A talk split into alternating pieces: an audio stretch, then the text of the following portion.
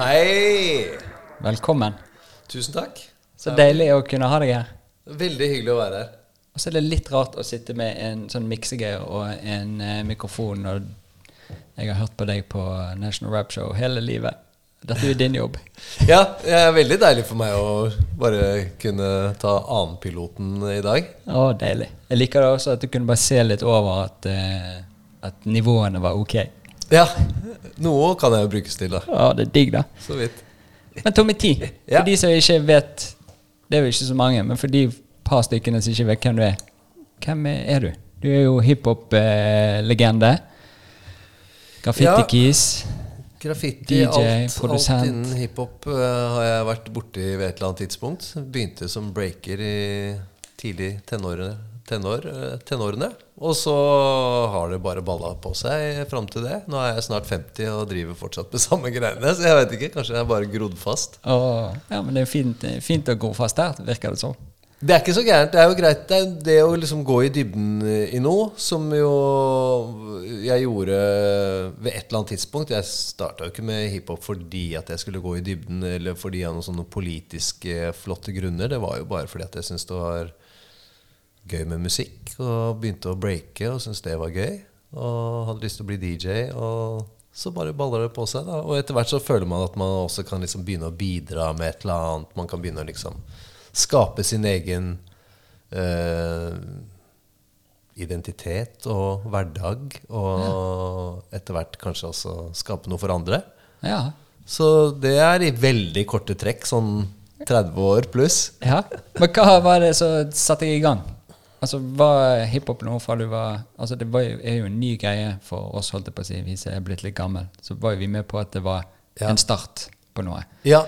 Ja. Ja, Hva var det jeg- som satte deg i gang? Jeg er ikke vokst opp med hiphop. Altså øh, Jeg hørte Jeg har alltid vært øh, veldig sånn musikkinteressert. Uh, jeg, jeg er sånn delvis øh, født inn i det. Mutter og fatter drev en sånn bar slash konsertsted oppå, bortpå Årvoll som het Østreim, for folk som har øh, peiling på Groruddalshistorien sin, så var det et sånn ganske legendarisk sted hvor de hadde eh, både, var sånn, eh, både brun pub og Rockefeller samtidig. Oi. På et lokalt nivå. Altså, Det det var ikke nice. Rockefeller, det var veldig lite. Men det var et sånn konsertsted, så de gjorde konserter med liksom de som var papin på, på 70-tallet. Altså litt sånn Inger Riise Rypdal og, oh, og den gjengen der. Ja. De gjorde litt konserter, så det var mye livemusikk. Og også litt uh, DJs. Flasker og? Eller var ikke det matsering? Eh, og, uh, nei, jo, det var noe mat også, tror jeg, men det, det, det, det husker jeg ikke. Nei. Uh, selv om fatter eh, er kokk, eh, men eh, blant annet. Men eh, Nei, det var musikken som, som, eh, som eh, Musikkinteressen kom nok eh, der, tipper jeg. Ja. Og så fikk jeg meg en platespiller på fireårsdagen min og begynte å spille sånne små 45 eh, Altså små sjutommere ja. på, eh, på gutterommet. Og det, det utvikla seg til en veldig interesse for radio, fordi da fikk du jo ny musikk hele tiden. Og det var jo kanskje det viktigste stedet å få musikk på den tiden. Det var det. Ja. Og så var det ikke som jeg som seksåring eller femåring kunne gå i platesjappa og kjøpe, kjøpe skiver. Nei. Så jeg hadde liksom fått en liten sånn der, en slags sånn um, bok eh, med, med sånn slags hefte med kanskje 30 singler eller noe sånt. Sånne sjutommer-singler. Ja. Det fikk jeg sammen med platespilleren min, så jeg hørte jo de i hjel. Og det var liksom alt fra Dolly Parton til Louis Armstrong til ABBA. Eh, Øystein Sunde, Bob Marley. Altså veldig bra range musikalsk sett. Og så var det radio som tok over, da. Fordi tidligere i tiden da jeg vokste opp, da måtte vi jo kjøpe musikken, da. Måtte gjøre det. Så man hadde jo ikke alle låter inne på telefonen sin, så, så det var jo litt andre tider. Så radio var, var stort. Ja.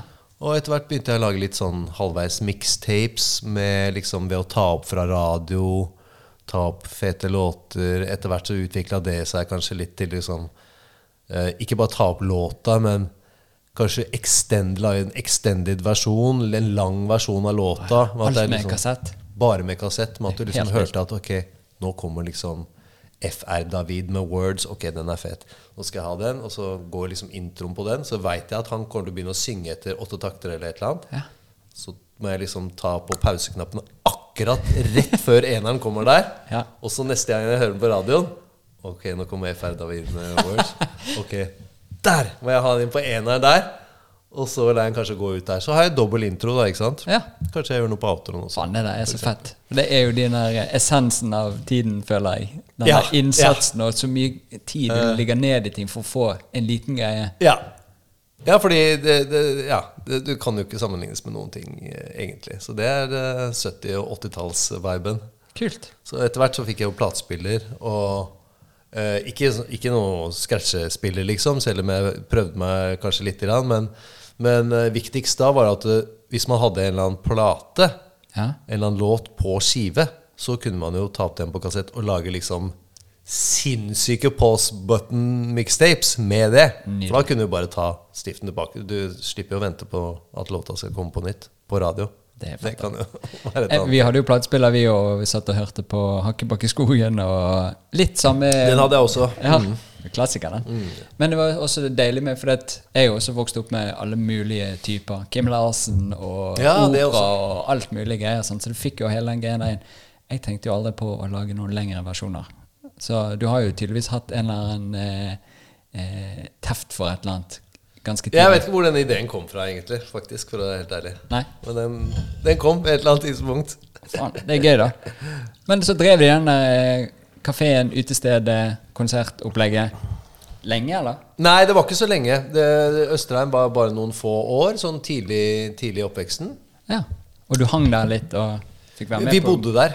Å ja. Så vi bodde i annen etasje, og så var liksom spotten i første etasje. Oh, det. Så, så det var jo ikke noe no escaping, for å si det sånn. Nei. Men så var jo det oppe på Årvoll, så det var liksom, da hadde du jo også liksom marka og skauen rett ved Ja. der. Og et veldig bra sted å, å ha en tidlig oppvekst. Nice. Mm. Og så kom hiphop. Ja, i korte trekk så kom vel det snikende sånn eh, Ja, når jeg var kanskje rundt ti. Ja. Så, så 10-11 Eh, Jeg var jo ganske sånn attentiv på musikk, så jeg tipper at jeg hørte vel litt sånn Rappers Delight og litt sånn. Men det jeg husker liksom best, det var eh, Det var Grandmaster Flash and The Furious Five. Melly Mell særlig, da. ja. Så tidlig på 80-tallet med The Message og den New York, New York-låta. Ja. Det var sånne låter som da På tross av at jeg kunne vel ikke så veldig bra engelsk, så jeg skjønte jo liksom ikke alle detaljer.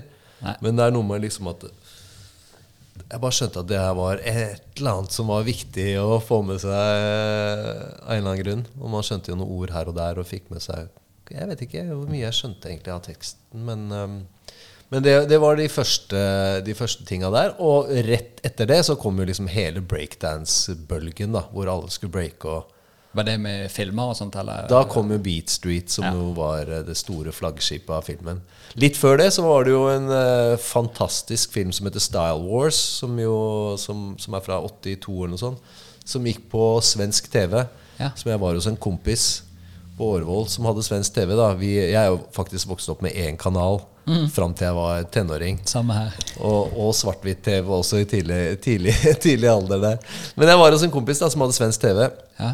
Og da viste de Star Wars, og det har jeg også sånn veldig tydelig minne av. Så da kom den graffititanken inn, samtidig som jeg hadde fått noe av musikken ja. inn. Og så kom Beat Street og bare sementerte alt, og bare Da var det over. ja. Da var det gjort. Blir du solgt? Da var jeg solgt. Da var det ikke noe, noe mer å tenke på. For de som ikke har peiling på forskjell på rap og hiphop, hva er greien? Nei, rap er noe du gjør, da. Og Å, nå ble jeg KRS-One. Og, og hiphop er jo egen hiphop-valuta. Hiphop er jo en, en egen kultur. Ja. Så, så rap er jo, bare, er jo en av delene i den store og mangfoldige hiphop-kulturen etter hvert. Ja. ja, men det er digg. Og så bare fant du ut at du skulle begynne å gjøre ting på egen hånd, eller? Eller arrangerte du ting, eller? Ja, jeg blei vel Jeg begynte å jobbe med radio eh, ganske tidlig. Så jeg hadde vel liksom første radio Jeg ble tekniker på noe som heter Radio Hum, som var Human-Etisk Forbund sin nærradio borte på Tøyen. Oi. Så da var jeg tekniker der en god stund. Det var liksom eh, sånn jeg på en måte lærte å bli radiotekniker. Ja. Da var jeg Av en eller annen grunn så prata jeg ikke bra radioen. Hadde liksom ikke noe å si. Men det var kanskje fordi at temaene ble litt eh, heavy. Human-Etisk Forbund. Jeg var ikke kanskje så ja, du må mene så, noe der. ja, da skal du virkelig, virkelig mene noe, og du skal vel mene noe helt spesifikt også. Og det har vel aldri vært helt min greie. Men uh, nei, så jeg var tekniker der fra jeg var kanskje sånn 14. Eh, og så ved et eller annet tidspunkt så ble jeg involvert i Eller ringte jeg opp og fikk en slags liten ja, Vi kan kalle det jobb. Det var jo aldri noe penger inne i bildet eh, der. Men eh, på Radio Bernt, som var forbundet mot rusgift sin nærradio, Ah, ja. Der møtte jeg bl.a. Uh, Olle Abstract. Aha. Da var jeg også 14, tror jeg. Kanskje 14 mot, mot 15 Nei, jeg tror jeg var rundt 14 da også. Så da møtte jeg Abstract der, og en fyr som heter DJ Hansa, som eh, ble en av mine mentorer, som var noen eh, år eldre enn meg, og hadde vært i New York og hadde Mr. Magic og Red okay. Alert Tapes, og viste meg liksom litt sånn videreføring av det jeg hadde opplevd rett før der, da jeg breaka og, og sånn. Ja. Så liksom tenåra fra liksom 14-15-16 rundt der, det var nede i Bernt Ankers gate. Ja. Eh, Jeg sier ja, har ikke peiling hvor det er, men det er nedi her. ja, ja, Bernt Ankers gate er jo rett ved Torgata. okay, Det er jo Det er pinlig. Jeg har jo, kan ingen gater. Jeg kan Torgaten og Tormeiers gate. Ja, ja, ja men da har, du, da har du Du har jo bare vært i byen en 10-12-15 år, så Ja. det er klart. gi meg litt tid. Ja, litt grann tid. Nei, så Da var jeg nede i Bernt Ankers gate og begynte å liksom være mye, mye i sentrum. Eh, ved et eller annet tidspunkt så følte vel Forbundet mot rusgift at jeg kanskje ikke var den rette gallionsfiguren for den organisasjonen. Så jeg ble kasta ut der. Ja. Eh, og da var det eh, noe som het FMH, som var Folkeaksjon mot hasj, som hadde samarbeid med denne Radio Bernt. Ja. Som ville starte en egen radiostasjon, og en av de gutta derfra rekrutterte meg til å gjøre det. Lurte meg jeg hadde lyst til å starte en radiostasjon. Da var jeg 16, tipper jeg. Wow. Det er ganske deilig å få i fanget på den alderen der. altså. Ja, Og på den tiden. Det var veldig, veldig bra for selvtilliten å, ja, å få liksom det ansvaret. Så da måtte vi bygge et studio. Da forflytta vi oss til Storgata. Ja. To-tre kvartaler fra, fra Bernt Ankers gate. Og begynte å bygge studio der sånn i rundt 86, tror jeg. 86-87. Fett. Og så starta jeg noe som het Rainbow Radio, som blei liksom det første uh, hiphop-programmet i Oslo som var eh, ren hiphop, og det het jo Strictly Hiphop. Oh, så yes. det var liksom det som var forgjengeren til National Rap Show, kan du si. da. Ja. Mm. Og National Rap Show leste jo eh, Er det programmet som har vært lengst? Eh, på P3? På P3? Ja, ja, ja. ja. Uten tvil. Ja. Uten tvil. Faen, det er imponerende, altså. By far. Ja. Men da du hadde Strictly Hiphop, var det, um, var det noen som begrensninger på hva dere kunne gjøre, eller var det helt frie tøyler? Helt frie tøyler. Det var en fyr som het Anders Slottsveen. Uh, rest his soul. Han uh, døde dessverre for, for noen få år tilbake. Men han var uh, sjefen for den organisasjonen der. Og eh, på tross av at det var en sånn ganske sånn streng ruspolitisk organisasjon, så var han veldig forut for sin tid og smart eh, når det kom til å tenke mer på hva ungdom kunne gjøre, enn at, hva de ikke kan gjøre. på en måte. Det er den vi Så, mangler. så, ja, så han så liksom engasjementet og hva vi drev med, og, og, og plukka opp liksom, ikke bare meg, men mange andre sånn sentrale folk i hiphop-kulturen. Og, og var også liksom den som sto som arrangør for det første liksom, Som regnes som det første hiphop-jam okay. som var i Norge, da. Ja, var det? Eh, det var i 87, tror jeg. Eller var det 88? Jeg tror kanskje det var i 87. eh, På Folkets hus eh, nede i sentrum. Og helt sånn eh, Ja, veldig, veldig enkelt. Ingen bar, ingen Bare bare noen rappere, noen graffitiartister, masse breakere. Vi hadde vel en og annen artist fra Stockholm innom. Ja. Og det var liksom bare en sånn test til det som senere blei eh, flere, flere jams. Blant annet på bootleg oppå, rett oppi hugget her, opp Ja. mot Torshov. En eh, legendarisk kommunal scene som eh, som seinere har husa masse, masse rap-arrangementer. Eh, og det Altså, det var jo konserter før det. Altså Grandmaster Flash var, var her. Det var, var andre, andre rap-ish artister som hadde hatt konsert før det, men det var stort sett 18-årsgrense, og det var bare en konsert. Men det her var første gangen man liksom putta hele kulturen i samme greie, da. Så, så Rainbow Radio og, Ungdom mot narkotika har gjort uh, mye for sånn tidlig Oslo-hiphop, og sikkert uh, norsk hiphop også. Ah, det er digg, da. Og du må bare føle den der vibben fra det jammet med når det er momentet med en kultur som er på vei til å bli noe, eller folk skal finne ut noe, alle er så giret at de trenger ikke bar, de trenger ingenting. De er bare klar for når kan jeg headspinne, når kan jeg spraye på noe, når kan jeg slippe noen vers, hva kan jeg gjøre? Den der woo, elektriske, deilige greien. Ja, helt sinnssykt. Og det var liksom første gangen som kanskje man samla folk fra liksom både utenbys, liksom noen folk fra Fredrikstad var med, Ja. eh, og, og, og rundt der. Eh, folk fra liksom Ja, hele, hele Oslo. På en måte alle sider av Oslo. Og det var liksom, ja, eh, som du sier, en ganske sånn elektrisk entusiasme eh, Ja. der.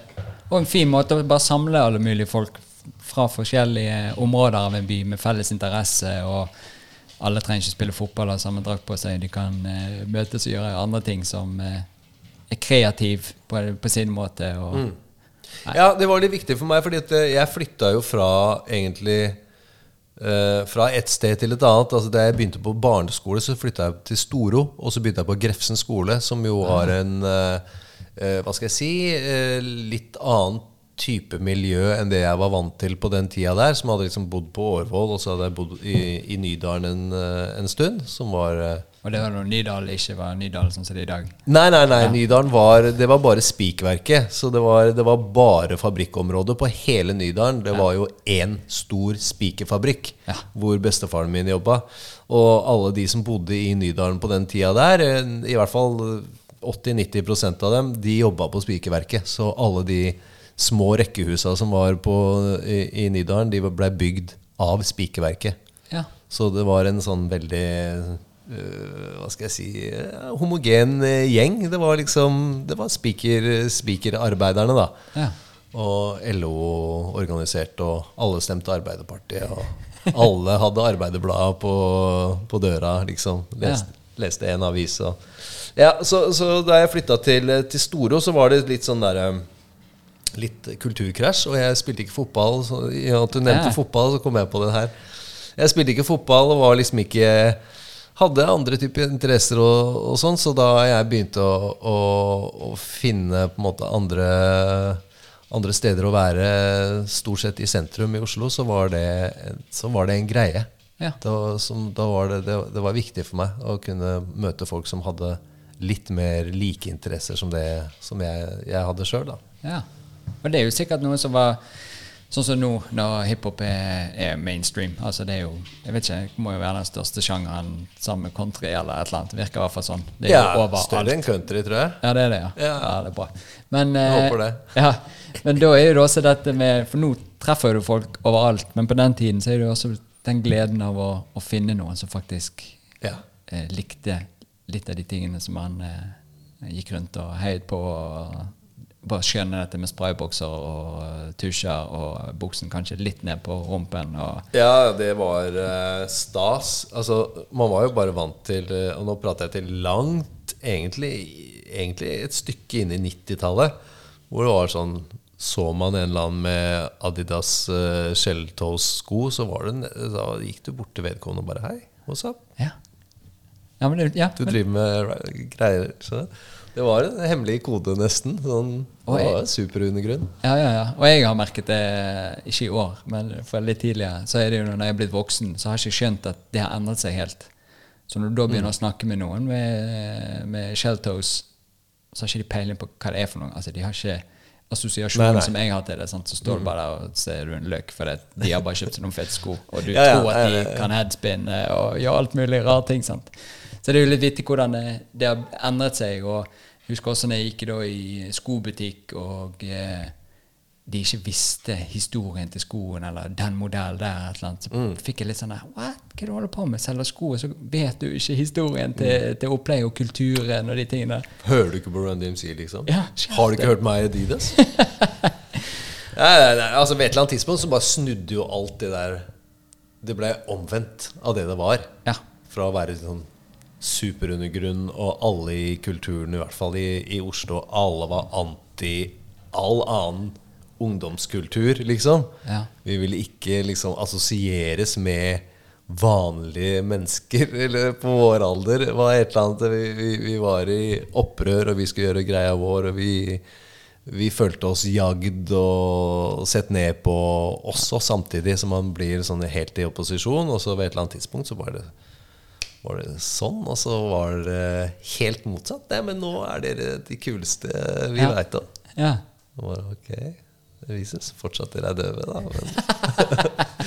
Det er en veldig rar, rar, rar tid, det der sånn en eller annen gang på 90-tallet hvor det der øh, snudde. Ja. Og det var jo kanskje også for de som holdt ut, og ikke bare var med på jojo-feberen, liksom, men klarte å, å fortsette Nå Mm. brukte jeg bilde på jojo, men fortsatt å synes at jojo var fett. Det er jo den hiphop-gjengen som, eh, Ja, som ja. deg, som har liksom vært pionerende og jobbet opp dette her til å, til å få det fotfestet og bli det det har blitt, føler jeg. Jo, jo, men altså jojo-trenden, den var jo Den varte jo i 84 og 85. Ja. Og 86 så er det liksom sånn Jeg har sånn ett bilde på ja, Jeg husker ikke Jo, det var kanskje det var Rockefeller eller et eller annet på Public Enemy-konserten i 87. Det var en konsert med LL Cool J og Public Enemy varma opp. Wow. Det kan være fett. Det var en legendarisk konsert. Skjæra til alle som var der. Jeg hadde et par kompiser fra skolen som skulle være med. De, et par av dem endte med opp å gå på kino istedenfor, eller et eller annet sånt noe. De angrer Ja, eh, kan- ganske, kan ganske bra på det den dag i, dag. Men det er sånn, Public Enemy var jo ikke veldig svære på den tida der. Hadde gitt ut et album som ikke liksom ble veldig veldig stort. Jeg tror kanskje jeg hadde hørt bare noen få låter av det.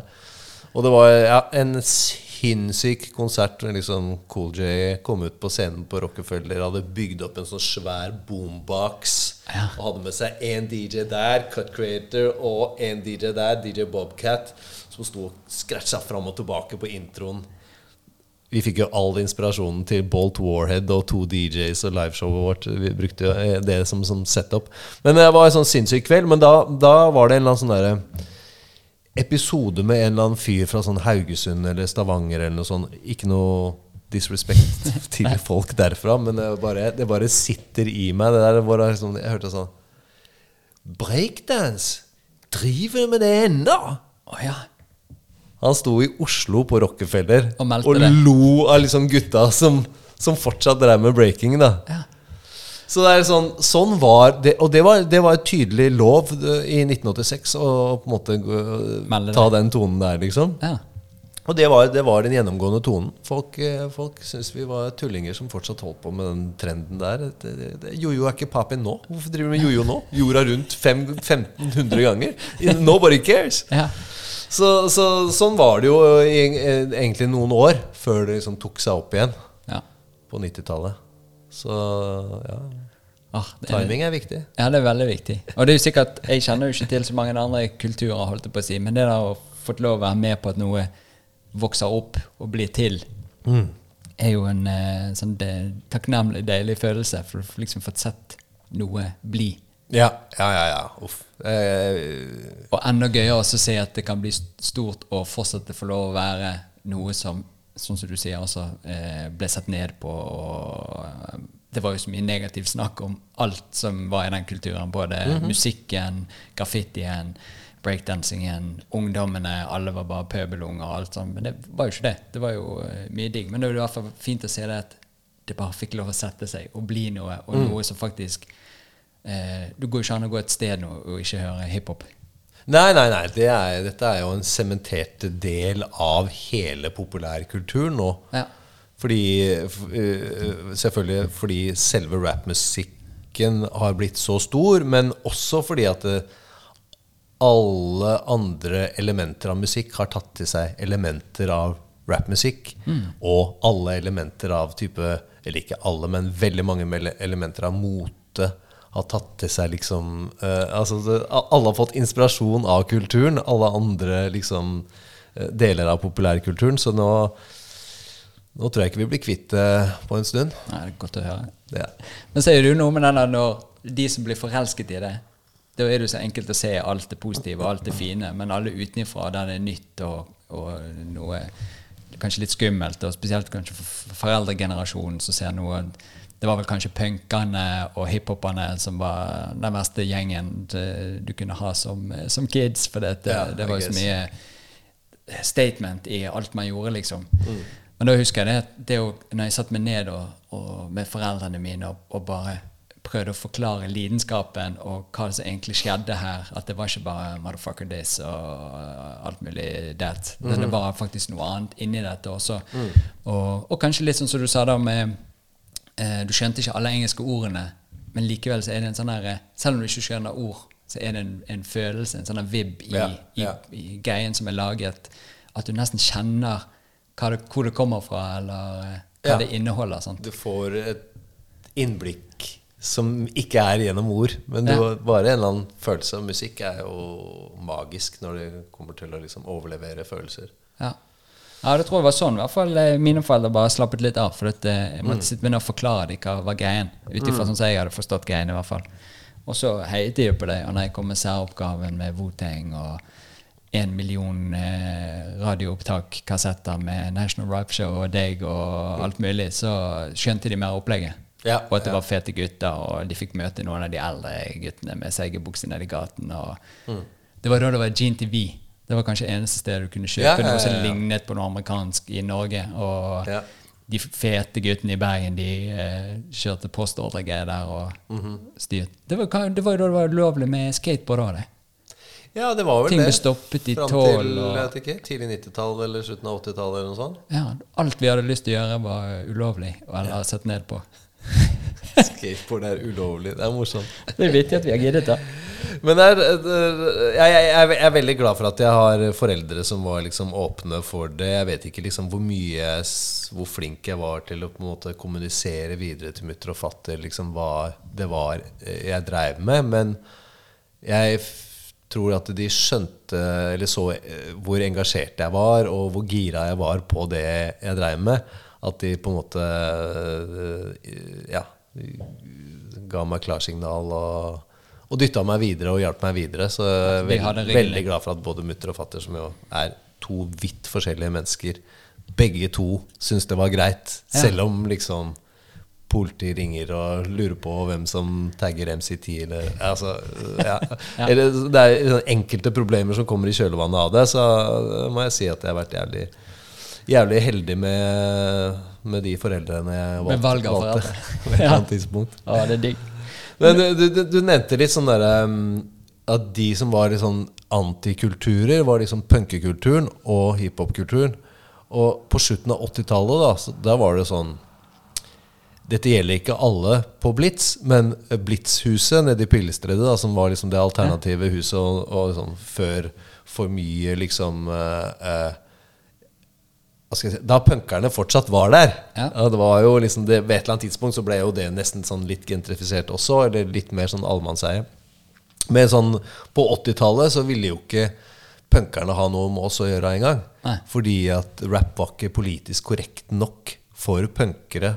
Eller i hvert fall enkelte, enkelte fraksjoner av det. Noen av de syntes det var dritfett, selvfølgelig. Ja. Men sånn, mange av de som styrte der, syntes jo ikke vi var noe kule i det hele tatt. De, de så ikke parallellen med liksom Hva som skjedde her? med liksom punkkulturen og, og, og hiphopkulturen i det hele tatt. Så vi følte oss jo liksom veldig mot alle. Mot alle det var oss mot alle. Ja. Så Men ble den- du litt punkete? Du hadde en sånn gøyt hår, eller var det bare Ja, det var tiden? ikke For meg så var ikke den sveisen Alle sier at det var en punkesveis. For meg så var det hiphop. Altså Ja. sånn, det, var, det hadde ikke noe med punk å gjøre i det hele tatt. Jeg har aldri egentlig vært noe inni den kulturen eller den musikken, egentlig. Det var vel egentlig bare sånn resultat av at man liksom gikk mer og mer ekstremt til verks. Ja. Og ville ha sin det som jeg ville ha Ok, først high top, greit. Ja. Big Daddy Kane, alle gutta Kid and Play. Altså name them. Alle, alle på 80-tallet. Og, og så ved et eller annet tidspunkt så ville man liksom Så hadde man liksom eh, striper som man barberte inn. Hadde noe peace sign kanskje i bakhuet. Altså litt sånne ting. Det var også sånne ting vi hadde sett før. Ja. Så ved et eller annet tidspunkt så, så ville man gjøre noe som ikke man har sett noen fra statene gjøre. Så da liksom Ok, vi kjører en sånn en gjennom hightoppen. Og bleiker en liten stripe i midten der. Altså sånn, Da blei det veldig kreativt. etter Ja, hvert. Ja, frekt og fint. Men da, eh, du var jo radio-kis. Når begynte du å produsere ting? da? Når begynte det å bli en greie? Eh, det var vel eh, Det var litt gjennom tidligere nevnte DJ Hansa, som, eh, som eh, Vi egentlig starta noe som het Snikksnakk. Det var egentlig han som starta det. Men det radiogreier, det? Eller? Nei, det er en eh, musikkgruppe som var liksom inspirert av eh, Sånn på slutten av 80-tallet, sånn 87-88, så hadde du liksom Mars med Pump Up The Volume. Mm. hadde han derre Simon Harris med Bass. Altså sånne DJ-låter hvor man liksom sampla alt mulig og bare lagde en låt ut av det. Det var inspirert av det, egentlig. Og vi hadde lagd sånn megamikser og eh, mange, sånn, mange type, type DJ-mikser og sånn før det. Men så, så tenkte vi ok, nå skal vi lage låter. Dette var Hansa som var liksom mastermind for det her. Så jeg var med som den unge på, på Snikksnakk, og det var, det var sånn jeg ga ut min første låt. Det var på albumet til Snikksnakk som kom i 89 eller 90, 90 kanskje. Går det an å finne fortsatt? Det tror jeg. For det sånne kanskje det. moderne musikksteder? Ja, 'Crazy Minister' heter den låta der. Ah, Så der uh, Der Der, navnet ditt. der har du Instagram-navnet mitt. Ja. Eh, så det, så det liksom På den tida der begynte jeg å, å, å sysle sånn, rundt 87, kanskje. Ja. Og så fikk jeg kjøpt meg min første sampler i 88, og da, da, da begynte det virkelig å ta form, og begynte å produsere Ole Abstract var jo rapper på den tida. Var han det? Ja, ja, ja. BIG. Han kalte seg BIG. Før Biggie Smalls. timen, jeg. BIG, og vi, vi lagde masse masse demoer. Jeg lagde også demoer med andre rappere, bl.a. Leo fra Bolt Warhead. eh, som jo var godt i gang med Paul Espen med PJ på sida, men uh, gjorde litt der, og med noen andre andre rappere her og der. Så, så det, det var ja, rundt 88. Det var, det var året mitt. Ja, da var det blomstrende. eh, Men merket du det at det var, var skjedde ting rundt i landet òg, eller var det hovedsakelig Oslo ting skjedde? Jeg tror det, det Altså, det var andre steder også, men det var vel var Oppe i Bodø så hadde de så vidt kommet i gang, tror jeg, lite grann. Ja. Uh, men det var mest Oslo, må jeg innrømme. At, jeg, at jeg kan huske noe, i hvert fall. Ja, jeg tror det. Jo. Ja, det var, det var mye som skjedde i Oslo på den tida der. Men veldig mye var sentrert rundt, uh, rundt uh, Savage Army, eller X-Ray Posse, som det het. ja. Som jo var A-Team, eller Bolt Warhead, Ja. Med, eh, med, med venner, kan du si. Ja. det var liksom en, en, god, en god gjeng der fra Oslo og noen fra Fredrikstad. ja. Så veldig mye var sentrert rundt dem eh, på den tida der.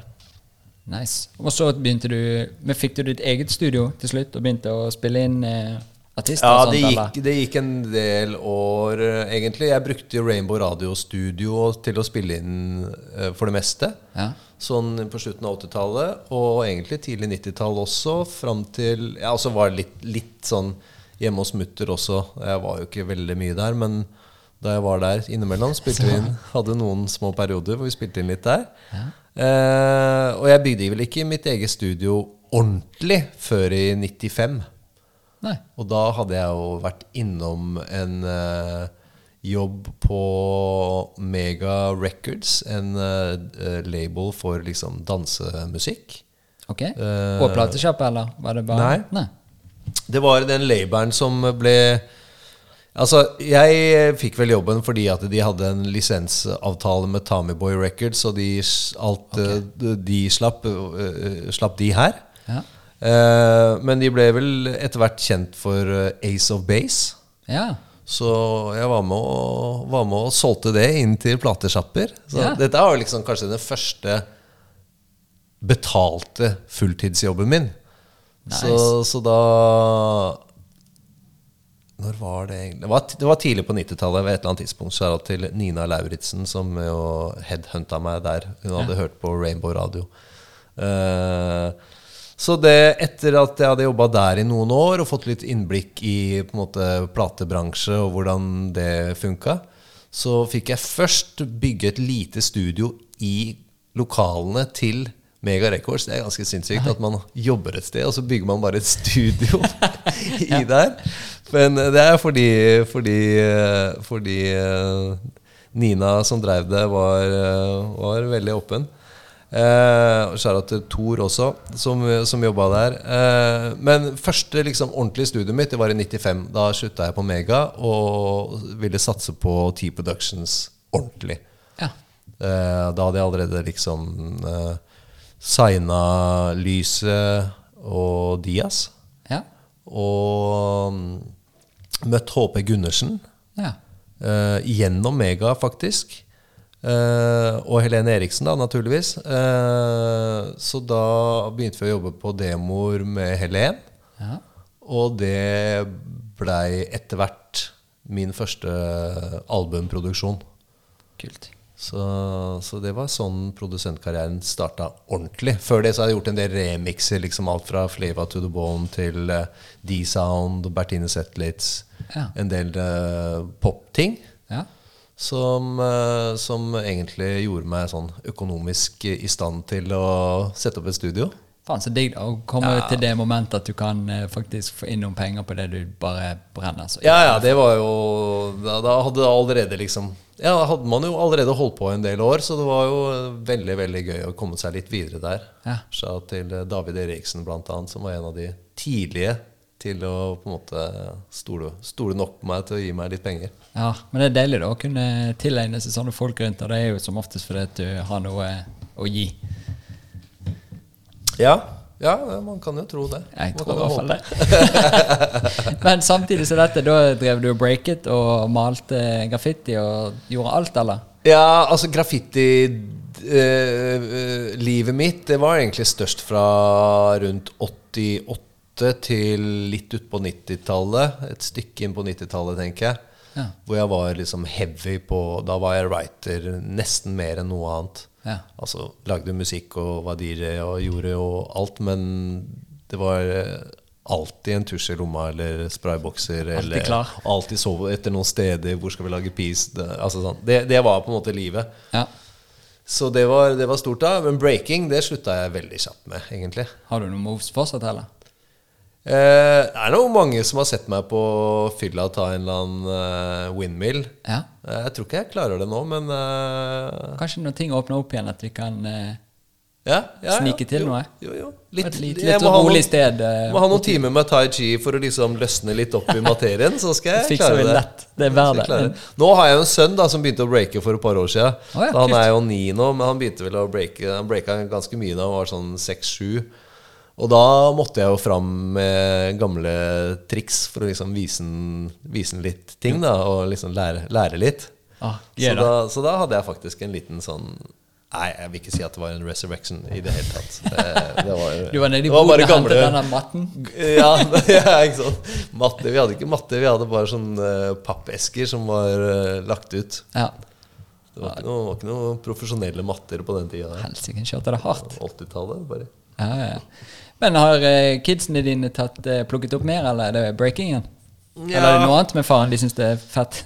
Nei, jeg tror ikke de bryr seg så mye om uh, hva jeg driver med, egentlig. De er mest på internett og Fortnite og Hva heter det byggespillet? Minecraft. Minecraft, og, ja. det, er mye, det er mye sånne ting. ja.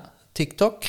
Ja. Så Dansing? Eller bare Jo, nei, han, han ene, minstemann, eh, driver med dansing, men så, så vil han egentlig begynne på turning, så nå har han begynt på turn. Åh, det er fett. Så Turn det, er jo det er bra saker. Tror jeg det er shit. Ja, ja, ja, det er nesten den eneste idretten jeg har drevet med sjøl, tror jeg, da jeg var veldig liten. Ja, jeg skulle ønske jeg drev med Jeg bare gikk på sånn tulleturn med gymsokker og litt sånn, og så Ja, var jeg på noe friidrettsgreier. Men turn virker bare så alle burde Ja. vært tvunget igjennom som kids, altså, for det, det er Det så er mye mye man lærer der.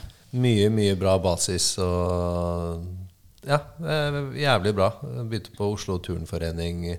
Gikk også på sånn tulleturen først. Det var litt sånn mest dans. Ja. Litt sånn Bare masse jenter, og så, og så skulle de danse litt. Altså, ikke noe gærent med, med jenteturn, men det var liksom ikke ordentlig turn. Så. Så det er stor forskjell på det. Ja visst. Så, men ellers så bryr unga bryr seg ikke, vet du. Jeg har jo fire av dem, og, no, og to av de er jo snart voksne. Og ja, Han ene rapper litt, så han bryr seg litt Å, nå. I dusjen eller offentlig? Ja, ja, ja, han låner studioet mitt innimellom. Oh, kult. Så skjæra til Henrike. Ja. Eh, men ellers så de bryr seg ikke om hva pappa driver med. Nei. Bryr seg mest om hva de kan få, eller Nei, Ja, ikke, sånn ikke sånn, ikke sånn men, men mer, mer jeg, jeg er jo der som far. Ja, ja. Jeg skal jo liksom provide. Så går det, ja. Så de er ikke der for at de skal beundre mine kunster. Nei. Men du er jo også eh, heldig og har en Er dere gift? Eh, veldig snart, eh, håper jeg. Er dere? Nei, ikke ennå. Har du fridd, eller skjedde det noe på radio? Eh, ja, nei, det, det, det ligger i lufta. Ja, det gjør det? Ja da. Nei, nei, det er fridd for lenge siden. Det er bare Du har ikke fått ja? Hadde de ikke Jo, jo, jo, jo, jo da. Jeg hørte det i hvert fall sånn. Ja. Jeg vet ikke. Det, men eh, nei, hadde det ikke vært for korona, så hadde den prosessen mest sannsynlig gått videre. ja. Jeg har jo bare sett henne på litt på avstand og ropt noen greier til henne på mathallen og hun har stått og hatt noen sånne greier. Og Ja, ja, ja. vært og spist den digge maten hun lager, og alt. Hun virker jo helt ikke fantastisk. Hun er fantastisk på absolutt alle måter. Så jeg må secure den, eh, den der, for å si det sånn. Ja, men du har jo skjønt det, så denne har du. Ja. Nei, vi har jo vært sammen i over 15 år, så um, Det er ingen andre steder å gå for min del. Nei, det er digg. Ja, det er veldig digg. Men eh, bare for å Du har jo fortsatt National Rap Show, som er helt fantastisk hver fredag. Yes.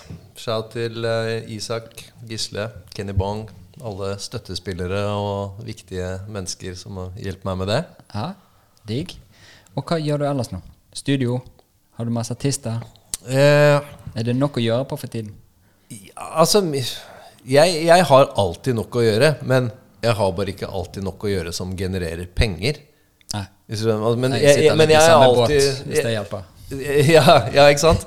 Så det er sånn eh, Du, du, du veit åssen det er. Altså sånn, vi som eh, liker det vi driver med, og, og, og gjør det vi driver med uansett, så er det jo på en måte eh, Uansett om det er pandemi, eller om man kan sende fakturaer eller et eller annet så Jeg lager musikk hver dag. Ja. Det er det jeg driver med i livet mitt.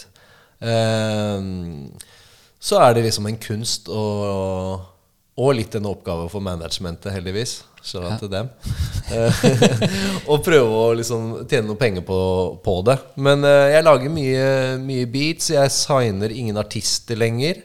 Uh, det tar jeg en pause med. Det har jeg jo gjort en, en del år.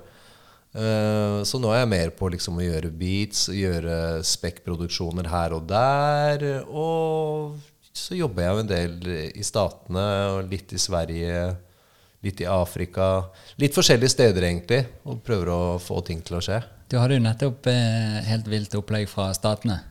Ja, jeg var veldig heldig med en eh, nice. Benny the Butcher-utgivelse der, så det var, det var en av de tinga som har ligget eh, Ligget og jobba en, en av de låtene var jeg fem år gammel, liksom. Eller en av de beatsa. Så ofte tar jo ting lang tid, særlig, særlig i statene, da. Ja. Og særlig når man jobber på sånn litt høyere nivå av artister. Så, ah, nei, det var dødsfett. Og du har gjort så mye bra, og så dukka det der opp i tillegg eh, nå. Så ble det jo helt eh, Ja, det var veldig gøy. Veldig bra boost. Ja. Veldig For er, sånn, det er jo sånn å jobbe med musikk, og det sier jeg jo mest til de som er musikk eh, Som vil bli musikkprodusenter, eller som er det. Det er liksom sånn Du gjør 1000 låter, og så er det kanskje ti av dem som gjør noe ut av seg. Ja. I, I hvert fall i dag, og i hvert fall hvis du sikter litt høyt, da. Så er det sånn man må gjøre mye musikk for å, at noe skal skje. Hvis man ikke har bare har jævlig flaks, selvfølgelig. Det kan man jo også ha. Ja, ja, ja. Men man må liksom belage seg på at du kan ikke liksom lage ti fete beats, og så skal det bli ti fete låter som kommer ut med ti fete artister. Nei, det er sant. ikke helt sånn. Men så er det Sverige, og det er det hovedsakelig Ken Ring, eller er det flere typer du har Ja, jeg har gjort, uh, gjort veldig mye med Abidas. Ja. Uh, får vi se hva som skjer med de låtene der. Men uh, hvis Hvis alle brikker som ikke har med musikken å gjøre, faller på plass, ja. så kan det komme noe sinnssykt derfra. Kult. Og så er det ting med Ken, og så er det ting med andre uh, undergrunnsartister også, som jeg har på gang der. Ah, det var så mye fingre rundt omkring. ja, prøve. hva er det som skjer i Afrika? Eh, der jobber jeg et litt helt kontinent. eh, ja, ja. ja, jeg er så teit bare Ja, jeg driver med noe greier i Afrika. Bare verdens største kontingent. Eh, mm, kontinent. Eh, jeg jobber i Øst-Afrika med noen rappere der. Eh, fra Kenya og litt fra Tanzania. Ja. Så det er vel en video som kommer ganske snart med han ene En eh, ung, eh, superfet rapper fra, fra Nairobi. Ok. Så det kommer en video der. Dandora heter den, som er et av eh, et av de, eh, de harde stedene å vokse opp i Nairobi. Ja. Så vi har lagd et lite anthem derfra. Ja, ok. Så det, det, og det kommer litt flere låter eh, fra den kanten ved et eller annet tidspunkt. Det blir spennende. Jeg synes det er veldig spennende å liksom jobbe et sted som jeg ikke har jobba noe særlig før. Jeg har jobba litt i Sør-Afrika og sånn, men, men aldri vært på østsida der. Nei. En helt spesiell vibe. Jeg liker swahili-språket. Måten man kan rappe på der. Ja. Pluss de mikser litt engelsk også, så det er sånn, jeg kan lære meg litt sånn swahili, og så, og så hører jeg litt engelsk. Og så kan du henge med. ja, så kan jeg henge med. Ja. Så, så det, det har vært jævlig inspirerende. å Vært der nede en liten tur. Og superinspirerende å jobbe med folk som har jeg vet ikke, Nesten hele verden har blitt lik hverandre, syns jeg. Altså sånn, Det er veldig sånn Det er nesten likt å prate med folk i Oslo som det er å prate med folk i New York. Ja. Og som det er å prate med folk i Tyskland, og som det er å prate med folk i Spesielt Ja. Australia. vestlige steder. Særlig den vestlige verden. Alle handlegatene ser like ut. eh, Alt er Ja, jo egentlig og vi likt. folk ender opp med å bli litt like i, i uttrykksformen. Vi er ikke egentlig helt liksom Vi har jo særegenheter og sånn, men alt blir ganske likt, særlig innenfor hiphop-kultur. Så litt sånn forfriskende å komme seg til Øst-Afrika og liksom catche en annen vibe. Ja. Hvor ikke Selvfølgelig, de, de følger de samme trendene som oss, og de lager drill-musikk der også, liksom. Ja. Men, men, men de har, de har en, en annen måte å kommunisere på, en annen måte å jobbe i studio på. Det syns jeg var jævlig forfriskende. Ja, Superdigg å, gjøre noe Det føltes ut som man gjør noe annet, men man gjør bare det samme som Jo, man alltid har gjort. kanskje det blir noe annet, for det er en eh, annen greie rundt det. ja, Men ja. hva, hvordan har eh, hiphop-kulturen vært der, eller hvordan er den? Har det vært samme utviklingen som her? Har det begynt det på noen, Vet du det? God te, eller? Eh, jeg var veldig god. Hva var det? Åh, jeg klarer ikke å si hva det heter. Jo, pur-ør-te. Ok. By Hva er det jeg sier Hongkong? Det er sort te, liksom? Eller er Ja, det fermentert te. Ah. Blir jævlig hipp i Hollywood en stund, for folk eh, trodde de ble tynne. Oh, ja. Men du blir jo tynn hvis du drikker to liter te, for da spiser du ikke. ja, ja, det er klart. Bare ikke putte så mye sukker i det, så er det greit. Ja. Uh, nei, altså jeg har ikke noe greie på Egentlig noe inngående greie på uh, hiphop-kulturen i Afrika, men jeg bare merker at uh, som en konsekvens av hvordan samfunnet er der, Ja. så blir kulturen annerledes. Altså sånn uh, For det første så kreves det en del mer energi bare for å komme seg gjennom dagen for de aller fleste Ja. i Afrika kontra, eh, kontra her. Ja. Eh, eller egentlig store deler av den vestlige, vestlige verden. Eh, så, så, så da liksom sånn da, da, da får man en annen type sult og en annen tilnærming til musikken. Ja. Mens her er det liksom nesten en selvfølge at man skal la Jeg vet ikke, Her så tenker vi Vi tenker så langt framover, da. Ja. Vi er litt sånn, ok, jeg skal lage noen beats som skal bli sånn, skal bli så og så mange beats, skal jeg gjøre så og så mye med den, så skal jeg opp og der, så skal jeg ha en billboard-hit, og så skal jeg gjøre sånn, sånn, sånn. Du har bare liksom tenkt ti år i én tanke, mens der er det liksom De klarer å holde seg litt mer Ok, det her gjør vi nå. Så legger de alt i den låta. Som vi skal gjøre nå. Og så er de som overtenker de ikke ting. De bare får ut følelsene sine. Det, det, er litt vanskelig å forklare, men det er ganske stor forskjell på eh, bruk av hjerte versus bruk av hjerne. Eller kanskje det er samholdet der eh, Jeg vet ikke. Ja, okay. Det er en annen dynamikk. Men det er vel kanskje det som er utfordringen vår, i hvert fall sånn som jeg oppfatter det, er jo det at eh, de færreste av oss er jo til stede. Vi er alltid langt fremme. Det er akkurat det. Alltid et eller annet man må tenke på på, på sida der mens man, mens man gjør én ting. Ja. Og det er jo liksom sånn Som produsent så merker jeg liksom jeg kan lage 1000 beats uten å på en måte legge så mye i det. Eller jeg kan lage liksom fire beats som jeg virkelig legger alt i. Ja. Og så får det en annen verdi. Men hvordan begynte det der eh, Afrika-prosjektet ditt? da?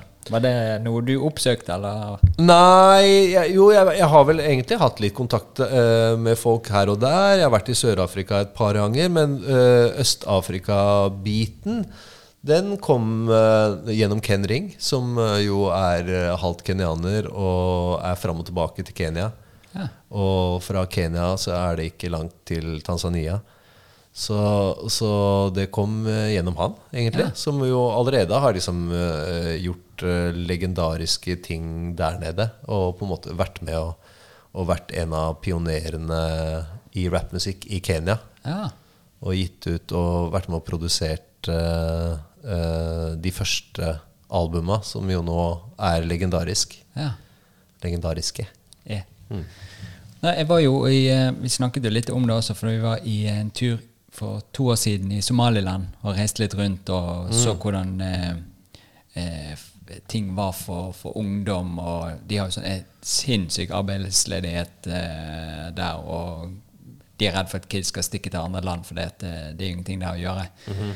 Og det som var veldig gøy, var at det var veldig mange nordmenn, eh, norsk-somaliere, som hadde reist ned og startet ting og åpnet kafé samtidig som hadde de ungdomstilbud og gjorde litt sånne ting. da. Og da var det bare så kjipt å se at når besøkte den ene eh, ungdomsgreie eh, som noen jenter eh, styrte på med, og traff hun lederen der, så hadde de sånn grafisk designrom. Det var kjempefint malt og alt mulig, men de hadde jo ikke noe utstyr. Altså De hadde, hadde ikke en datamaskin engang. Så de bare ventet på å kunne få lov å gjøre det de skulle gjøre. Og så hadde de litt sånn musikkinnspilling, men de hadde ikke noe utstyr. Så de ble jo bare sånn Åh. Så de spilte basket og ventet på at kanskje noe skulle, skulle ordne seg på et eller annet tidspunkt. Og det er den jeg bare tenker så mange kreative, fine folk som ikke har i nærheten av de tingene vi har, ressursene eller tilgjengeligheten til ting, hadde vært så digg å bare sette i gang. Så vi skulle jo ned i en, en runde til i, under covid. Det skjedde jo ikke. Nei. Men jeg håper jo bare at er flere sånne fine ting kan starte, der folk kan gi noe som Og det er jo det som er så vittig, for, min del så virker det som de ikke har så mye, og de har ikke så mange ting å ta på. Sånn som jeg bor i verdens feteste leilighet med 1000 planter og hunder og alt mulig. De har bare et lite hus eller et skur. Eh, hovedstaden har vært bombet, så det er bare én etasje på alle byggene. Eh, men likevel så er den der eh, livsgleden der. Eh, eh, gjestfriheten og alle disse tingene. Og bare da ikke kunne få utspring i det de ser på internett, på telefonene sine med, med musikk og sånne ting, for det mangler utstyr. Det er så trist. Ja, det er, det er helt eh, Det er en av mange uh, triste realiteter med sånn verden har uh, Sånn verden er nå i vår tid. Uh, jeg har også hatt liksom eh, planer, eh, og har fortsatt egentlig drøm om å reise rundt til eh, en del steder som jeg allerede har sett meg ut, eh, og stikke ned og bygge studioer. Ja. Hatt en litt sånn Jeg vil ikke si en, Det er mer en drøm enn en plan. Men hvis det er noen som har lyst til å henge seg på og har lyst til å være med og betale for det, så, så er vi på, godt vei, på god vei til å lage en plan på nettopp det du sier. Liksom, og, og, jeg tenker for min del liksom, bruke det jeg min spisskompetanse er. Og det ligger innafor musikk og, og også teknikk og det å bygge studioer. Og greier man å liksom bygge Gi de et studio altså Til og med en stor by som Nairobi har ikke et ordentlig innspillingsstudio. Helt vilt.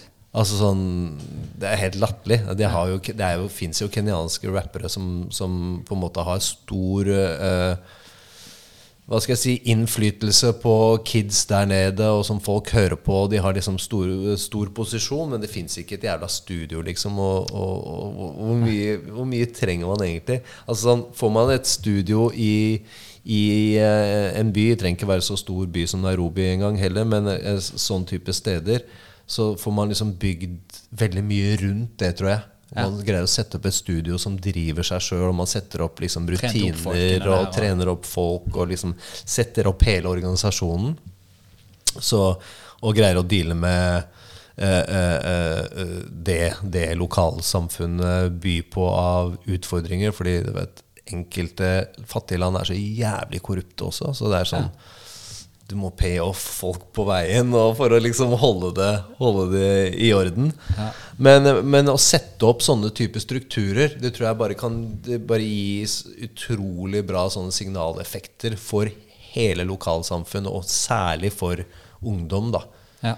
Uh, så det, det, er definitivt en drøm jeg sitter med. Det er mange, mange, mange steder i, i verden man kan, uh, man kan gjøre en liten forskjell. da. Ja.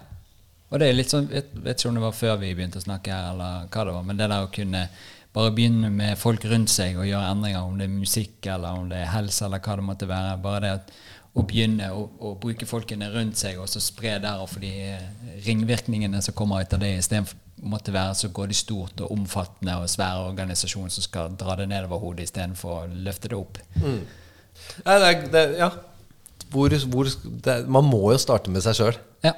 Altså Man må bli inspirert og til, å, til å se en, en, eller annen forandring eller se en eller annen ny idé, og så kan man jo inspirere de rundt seg. Og så uh, er det jo liksom Vi lever i et samfunn i dag som er så mye, sånn, mye er styrt fra politisk hold. Mm.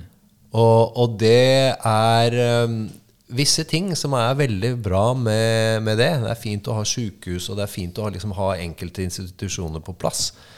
Men innimellom så lar vi jo det kanskje styre litt mye. Noen ganger så sitter vi og venter på staten skal reagere, på en måte. Ja, skal gjøre noe for deg for vi blir vant til det. Ja, altså egentlig, ja. Altså, Vi har jo svara. Det ligger her, og så ligger de der. Ja. Er, alle svar er der. Ja. Det er ikke noe, det er ikke noe trenger ikke staten for å egentlig få noen svar. da. Så noen ganger så, så blir man litt sånn uh, apatiske av den tankegangen. da. Jeg er jo vokst opp under et strengt eh, sosialdemokratisk eh, hjem. Ikke ja. så veldig strengt, men i hvert fall veldig sosialdemokratisk og på en måte en måte å tenke på. Så det, det, er, litt, eh, det er, litt, skummelt. Det, jeg liker veldig godt en kollektiv tankegang. Jeg liker veldig godt samhold. Men ja. vi må beholde den individualistiske måten å tenke på. Fordi det er bare jeg som kan tenke som meg. Ja. Ja. Jo, nei, men jeg er med. Og det er jo eh, Jeg lærte en gang på Komfoen. Da sa eh, På hva? Komfo. På Komfo, ja. Ja, ja, ja. Så sa eh, læreren vår at eh, det dere skal lære nå, er en formel på alt. Dere skal ikke prøve å kopiere meg. For dere skal få lære formelen, og så skal du implementere den i deg sjøl, men fortsette å vokse som deg sjøl. Mm -hmm. Og det er jo litt det vi egentlig trenger. Vi trenger mm. retningslinjer og et system som gjør at vi kan leve sammen. men vi må fortsette bare å utvikle oss sjøl som det fete mennesket vi er, tror jeg. Ja, helt. Og det, nå kan vi jo bringe det tilbake til hiphop uh, igjen, ja. som, som, man har en tendens til å alltid gjøre. Der er det også sånn Det viktigste er å være original. Og liksom, jeg får uh, beskjeder uh, på alle sosiale medier og, og e-mail og telefoner og møter folk hver dag. Folk som vil bli rappere. Har du noen tips om hvordan skal jeg gjøre det? sånn og sånn Nesten det eneste jeg kan si, det er prøv å være så mye deg sjøl som mulig. Prøv å være original. Og selvfølgelig, alle vil lage en låt som er papin, som alle liksom, kompiser rundt deg syns er kul. Men mm.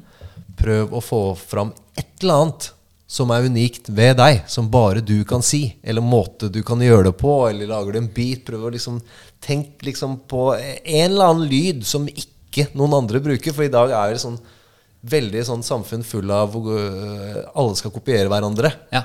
Og det er, det, det er fint. Man, da, man, lærer jo liksom fort av, av, det, og man ser på tutorial-videoer på YouTube og kan liksom se absolutt hver eneste liksom, uh, del av veien. Men um, det man ikke kan vise på en tutorial, det er hvordan du skal uttrykke deg selv. Ja. For det er Og det er bare utrolig viktig. Og det er den største verdien. Ja. Alle kan lage en beat i dag. Og da mener jeg alle. Fra fem år opp til 100 år så kan du lage en beat med en laptop. Liksom. Det er ikke noe vanskelig. Men uh, vi trenger jo noe som er litt unikt, og det er det som kommer til å funke også. Hvis man har ambisjoner. Det var fint sagt. Du, hvordan tror du Eller hvordan eh, merker du forskjell på fra day one og til nå med, med hiphop og kultur og musikken og alt? Hva retning har vi gått? Er du fornøyd? Ja, altså, eh, ja fornøyd. Jeg, jeg har vært gjennom sånne perioder eh, hvor jeg har vært misfornøyd også, jeg. Ja, det er bra. Eh, og det er litt sånn Jeg husker til og med litt sånn Hva skal jeg si Det er liksom ti, relativt tidlig på 90-tallet og liksom, uh, Das Effects og Foo Snickens og sånne grupper som det kom, Ja. og begynte å rappe litt annerledes. Til og med da var jeg sånn der Ok, hmm, hva faen er det som skjer her nå? Ja. Kødder de med opplegget? syns jeg det her egentlig er kult? Eh, Det ble litt sånn sutrete der et lite øyeblikk. Ja. Og så gikk det over. Rundt 2001, rundt sånn 2000-2001, hadde jeg liksom, da begynte jeg liksom nærme meg 30 og hadde en liksom litt eh, eh, Jeg vil ikke si oppvåkning, men kanskje en sånn litt videreføring av eh, hvordan eh, hodet mitt funka. Da var jeg også litt sånn Ok, nå er jeg drittlei av alt det der hiphop-pratet. Nå, nå er jeg lei. Ja. Eh, men så kommer kjærligheten tilbake, da, og så, så er man ikke lei allikevel. Eh, og i dag så er det jo lett å, det er jo lett å bli på en måte negativ til en del ting som man føler representerer kulturen som man har vokst opp med. Både sånn tekstmessig og musikalsmessig. Det er, det er lett å sitte og terpe på ting. Selvfølgelig, ting er jo så utrolig svært nå. Det er så mange som driver med det.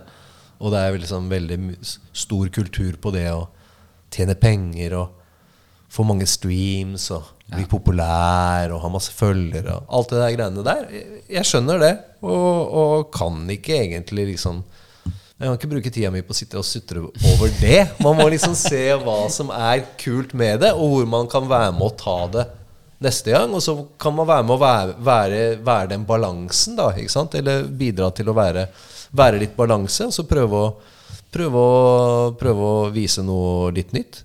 Ja. Men eh, det er ikke det at hver bit jeg lager, eller hver låt jeg er med å produsere, låter ikke som revolusjonerende. Er jeg lager ikke en ny form for hiphop hver gang, jeg heller. Nei. Jeg også hører på Lill Baby og syns låtene hans er fete. Og tenker ok, shit, faen, den har jeg, den var kul. Jeg, jeg, kanskje jeg skal få litt inspirasjon av den. Altså, Ingen er 100% unike, og man skal jo få inspirasjon av andre ting, men det er en balanse i alt. Ja. Så jeg prøver å liksom bidra bitte litt til det. Så jeg syns jo at hiphop har Til å være det det er, så, så, så, så gjør eh, hiphopkulturen en eh, kjempejobb, rett og slett. Fordi den har jo vist resten av verden som eh, Resten av verden veldig mye.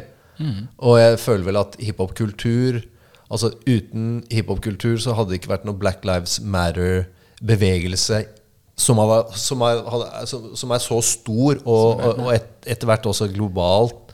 Altså, og da tenker jeg ikke bare på organisasjonen BLM, men jeg tenker liksom the mind-staten. At folk Den har åpna, vært med på å åpne øya til folk. Internett har liksom selvfølgelig vært en god plattform å bruke der, men jeg tror at liksom, folk har eh, har blitt kvitt mye ignoranse gjennom uh, rappmusikk. Og da tenker jeg liksom på mainstream-folk eh, i, i andre steder enn USA. Ja.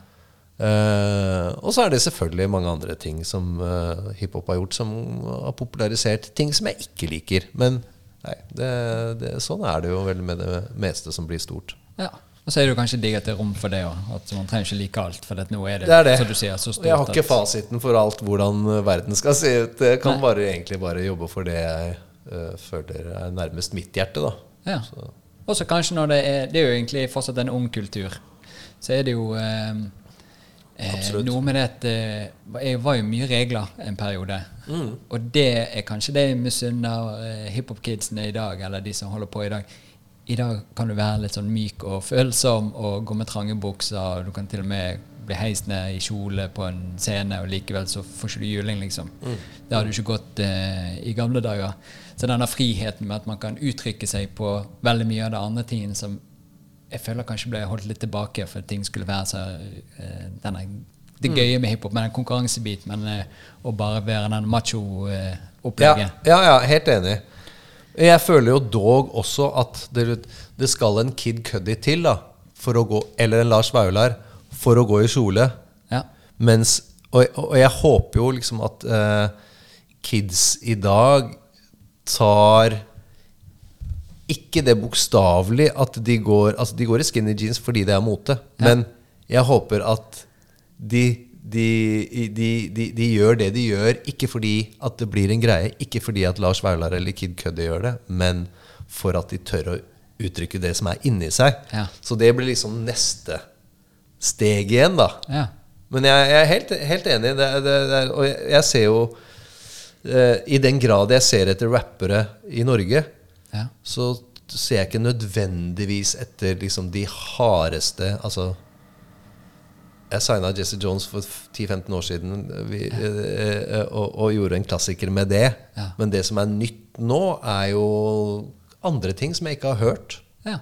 Som eh, trenger ikke å være en rapper som går i kjole, men hvis det er, hvis det, er det eh, som gjør så, Hvis det er et av hans uttrykk, eh, eller hennes, som er unikt, så er jo det dritfett. Så, så man ser jo liksom etter andre måter å uttrykke For rap og hele hiphop-kulturen er jo egentlig bare måter å uttrykke seg på. Det er akkurat det. Og så starta det et sted med en type mennesker og under visse forutsetninger, og så ble det den formen det blei. Men formen kan jo forandre seg, og skal jo forandre seg. Det er jo grunnen til at hiphopkultur er så stort i dag. er for at den hele tiden forandrer seg. ikke sant? Ja. Etter hvem som, etter generasjonen og etter hvordan ting er. Og det er jo sikkert det samme med alt mulig i verden, at det, når det kommer en ny generasjon, sånn som eh, mine foreldre, har helt andre verdier verdier og syn på ting enn jeg har. Og hvis jeg får kids, så kommer de til å ha det andre, og så kommer jeg til å si nei, men du må gjøre sånn og sånn. Men de har jo sitt eget opplegg. Men vi har farget tingene på veien og, og vært med å påvirke alt. Ja, og så er jeg sånn Jeg føler i hvert fall at jeg vokste opp med i et samfunn hvor eh, på en måte generasjon Det har vært store generasjonskløfter. Det har vært litt sånn stor forskjell fra foreldre til barn. Det har vært en sånn kommunikasjon som ikke har vært der. Ja. Eh, jeg har sett det litt i min egen familie, men jeg har kanskje sett det mer i andre, andre, andre steder. At det er liksom sånn Man kjenner ikke hverandre, egentlig.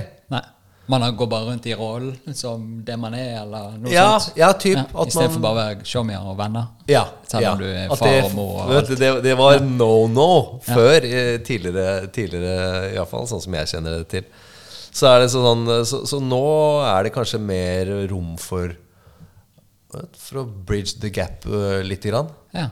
Det er liksom sånn uh, Ja, bare det at jeg hører på samme musikk som unga mine, liksom, mer eller mindre, det er jo Det er fint. det Ja, det er mange fine ting med det. Ja. Men gjennom alle disse årene, for nå begynner det å bli Bare for å uh, snakke om alder. Mm. Hvor gammel er du nå? Jeg, jeg blir 50 i år. Når? I desember. Å ja. Det blir gøy. Ja, det, jeg håper det blir veldig gøy. Jeg jeg hadde egentlig litt sånn, litt sånn eh, Jeg har jo fortsatt planer, men jeg hadde litt andre planer. Men covid har jo tatt en liten bit av, av veldig mye. Eh, Eller eh, tvunget oss til å tenke litt annerledes. Men jeg tror jeg skal Jeg håper at jeg rekker å gjøre en kunngjøring på 50-årsdagen min, og, og er hypp på å gjøre en eh, litt større feiring som skal innebære flere enn bare meg og familien min. da Ja, så kjekt. I, til, neste år tenkte jeg å skal feire ordentlig. Ja. Jeg har jo bursdag rett ved jul. Det er ingen som har tid til å feire da. Så jeg får ta det litt, Vi får eh, litt utpå. minne folk på det, og så får de prioritere. Rett og slett. Men du så nevnte jo også det der prosjektet med, med Afrika og sånt. Mm. Eh, da må vi huske å putte inn noen, eh, noen linker og litt sånn kontaktgreier, hvis det er noen der ute som, eh, Yes. som kan hjelpe til, og kanskje har ressursene kan hjelpe til med ressurser og, og også ekspertise, kanskje, og, Mm. Ja. og få blandet et godt team. Sånn at vi, vi husker det. Ja, veldig, veldig gira på det. Det er liksom mange, mange ideer og mye ting man har lyst til å gjøre eh, her i verden, men det er ikke alltid man har liksom tid eller ressurser eller eh, på en måte kontaktnett nett eller eh, hode til å liksom nå gjennom alt. Så det, det er en av de tingene som jeg virkelig kunne tenkt meg å, å få, få på banen. Ja. Eh, også med alderen, hva har skjedd med deg? Har du eh, endret synet på en ting som er viktig i livet ditt? Og, for på et eller annet tidspunkt så fulgte jeg med deg, og så så du bare jævlig mye freshere ut enn du pleide å gjøre. Du var fin før, og så bare så du mye finere ut etterpå. Hva har du gjort? Uh, nei, jeg vet ikke. Jeg har vel uh, Altså Jeg tror jeg vokste opp eh, med mye usikkerhet. Ja. Uh, så jeg tror vel at uh, eh, ikke bare har jeg forandra liksom, eh, meg som person underveis, som på en måte livet har gitt meg erfaringer og, og impulser, men jeg tror også at mer og mer eh, jeg har følt at jeg kan være, være meg sjøl. ja. Uh, en ting er at liksom, man vokser opp med en viss usikkerhet, uh, som ikke er eksklusivt meg, eller uh, egentlig ikke noe originalt i det hele tatt, i, i Norge på 70-tallet, som jeg vokste opp, og, og 80-tallet.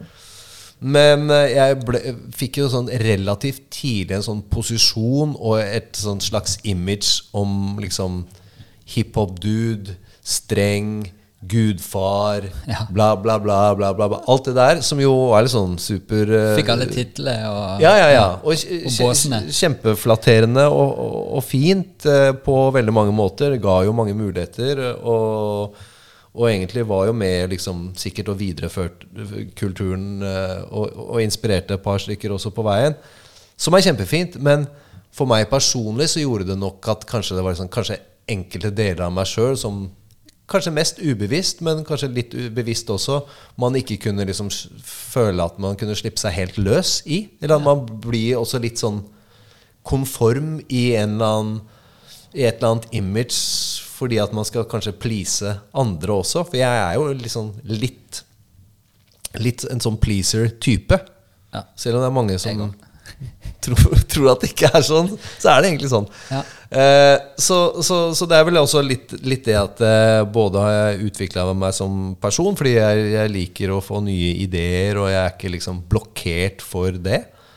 Eh, eh, men, men også det at man har turt å, å være seg sjøl mer og mer og mer og mer. Og nå holder det sikkert uh, snart, vil enkelte si. Men jeg kan ikke love det. At uh, det er ikke, er ikke stopp enda. Så har jeg gjort en del sånne forandringer i, i livet mitt. Et eller annet tidspunkt slutta jeg å spise kjøtt. Tenkte at det kunne være en greie. Ja. Mest som en sånn litt sånn eh, Jeg vet ikke, eh, protest mot kjøttindustri, matindustri. Matindustrien er jo skitten, altså. Den er det, og det er jo selvfølgelig Det er jo ikke noe bedre å spise Rebel Whopper enn å spise en Whopper, liksom. Jeg forstår det, men så det er ikke nødvendigvis kjøttet som, som, eh, som er så forferdelig og djevelsk å spise. Men det var én av mange ting som, som jeg kun følte, følte for å gjøre ved et eller annet tidspunkt når jeg var tidlig i 40-åra.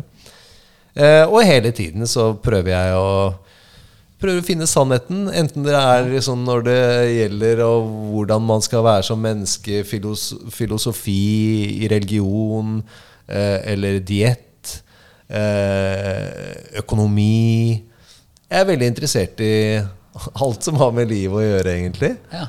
Og bare være åpen og se på mulighetene. Ja, rett og slett. Ja. Rett og slett. Nå har jeg begynt å lure på om jeg skal gå politikkens vei. Jeg syns jo det er en skitten, skitten vei å gå, men uh, jeg har begynt å lure på det også. Så, Jeg liker at du tok det opp, for det var en av spørsmålene. For du er engasjert i veldig mange ting. Du Mm. kan jo sitte i sikkert i flere timer og bare ramse opp ting du er engasjert Ja, i, ja, som, ja. jeg- som jeg oppfatter også som folk bak eh, kamera sovne underveis. ja, sant.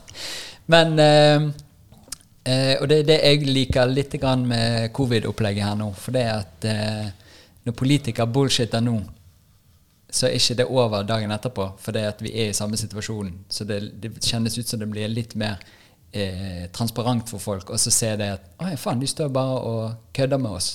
Og sier ting og bare snakker etter vinden. og og eh, jeg føler, For jeg har hatt litt sånn diskusjoner med min mor, og hun, eh, hun er jo veldig åpen og fin dame, men hun har også blitt litt mer sånn Å ja, men de, de står jo og lyger. Og det har vi egentlig vært klar over, men nå står de og lyger veldig mye. Og så Ikke det at covid ikke eksisterer, det er ikke det jeg skal fram til, men bare det at det er så mye sånn her, i begynnelsen av covid så var, virket det som politikerne ville få til noe. Og så endret det seg akkurat så nå er det mer politisk igjen. For nå skal vi eh, eh, bevare posisjonen vår og så alt mulig sånn. Og da føler jeg det skinner gjennom, og det er flere og flere som ikke har vært på samme tankegang som meg, som virker som har begynt å få øynene opp at faen, det er jo helt pill råttent mye av dette her. Og eh, så hvis vi kunne byttet ut noen med deg, så hadde det vært helt nydelig.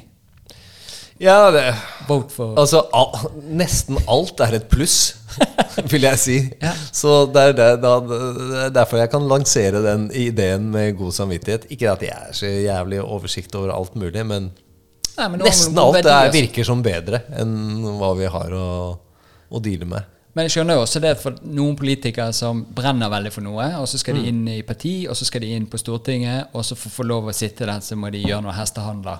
Og det er Mm. vel der ting begynner å råte seg til for veldig mange, og så glemmer de hvorfor de egentlig er der.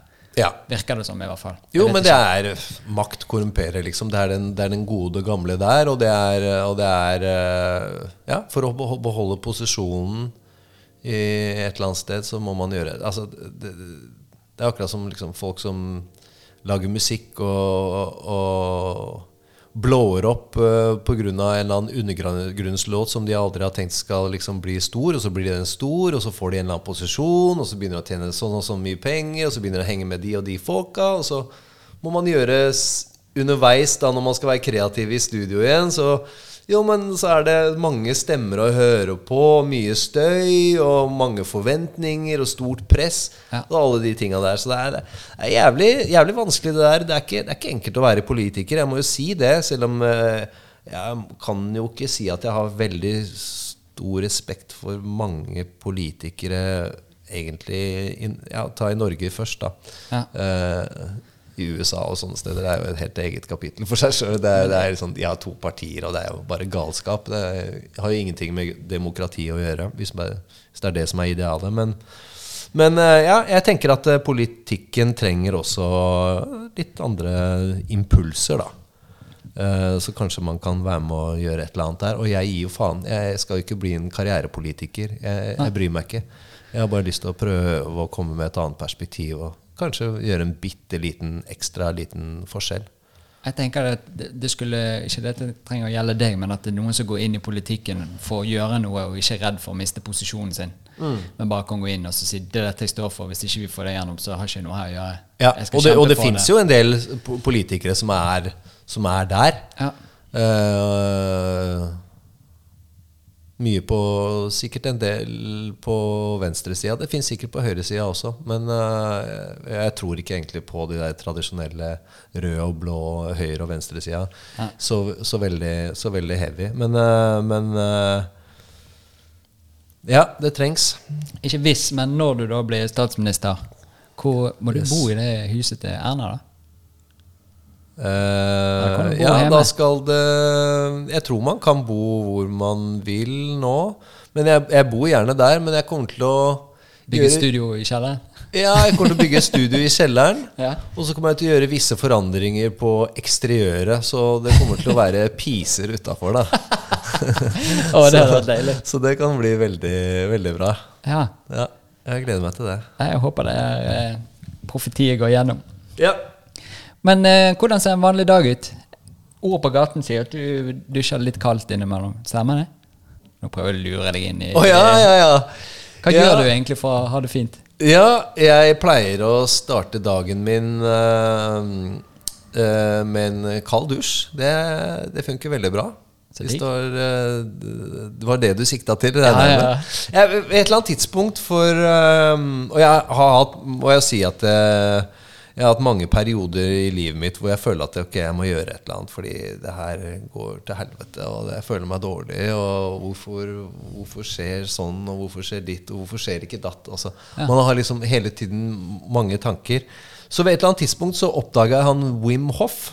Han eh, hollandske The Iceman, som han kaller seg. Ja. så fiffig. Uh, og det var ikke først og fremst pga. humoren hans, men uh, Han er jo en karakter, kanskje, kanskje litt det også. Ja. For uh, ja, en skikkelig figur. Ja. Og en sånn fyr som man får litt følelsen av at det kommer fra et eller annet sted som ikke er så veldig langt fra der jeg kommer fra. Sånn. Tradisjonsmessig. For én ting er liksom å se Sad Guru eller en, du vet, en eller annen superguru fra et eller annet fjernt sted i verden som man bare har følelsen av bare har full kontroll Ja. over ting som jeg bare Jeg kan nesten ikke forholde meg til det, på en måte. Men dette her var liksom en fyr som virker sånn ganske, ganske sånn eh, Ganske vanlig i min, eh, min verden. Da. Så han eh, anbefalte jo noen pusteteknikker og kalddusj. Ja. Så jeg begynte med det. Det har jeg jo ikke stoppa med. Det er vel et par år siden. Deilig. Så det er, det er faktisk jævlig digg. Og det, det er bare veldig enkelt. Du kan godt ta en vanlig dusj først, liksom, men ta, skru på bare full blast på kaldtvannet der eh, ved et eller annet på slutten av dusjen din. Ja. Hold den et par minutter. Hele, hvis du er fyllesyk, f.eks., eller føler deg litt nedpå, litt trøtt Altså, du bare du, du, du våkner på en helt annen måte, og bare tunghet i huet og sånn, som, som jeg kanskje sliter med. Kanskje man har hatt liksom, en litt sånn halvdårlig søvn den natta. Da er du fresh igjen. En liten reset. Det er det, det er det enkleste trikset for å få en god start på dagen. Det er liksom, det tar to minutter, og det er ok, det er kjipt de første gangene. Så er det sånn oh, fuck.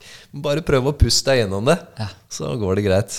Det, det, det er beste tipset jeg kan gi på, egentlig, på, på, på enkle, enkle, enkle ting.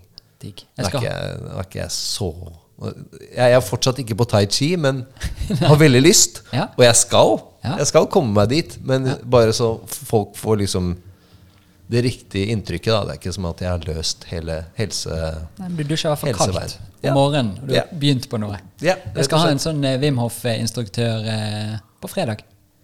Ja, Så da skal vi snakke litt om det. Så det blir, Spennende, blir gøy. spennende. Det, et, eh, det virker jo som det har bare blitt mer og mer i vind, og folk skal isbade og være helt koko. Folk Ja, skal ja, gjøre så mye ting nå. sant?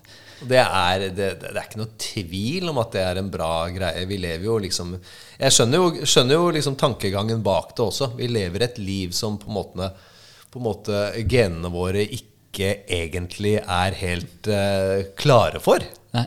Vi lever ikke helt i henhold til sånn som vi, sånn som vi skal. Altså det er liksom sånn, Hjernen har gått eh, foran alt annet eh, i utviklinga de siste 100 åra eller 50 åra eller noe sånt. Ja. Så det, det, det, dette har jeg trua på. Det er, det, er, er jo ikke noe, det er ikke noe troll Det er ikke noe magisk med dette her. Og det er jo heller ikke noe nytt. Men det er bare kjekt at Ikke noe eh, nytt i det hele tatt. Fatter er oppvokst på bondegård, liksom, og, og, har levd eh, På en måte vokst opp eh, litt annerledes enn det jeg har gjort. Og han, han kjenner seg igjen i alle disse nymotens måtene å på en Ja. det, det handler jo bare om å, å, å, å gå litt, litt tilbake i tid til da vanene var litt annerledes. Ja visst.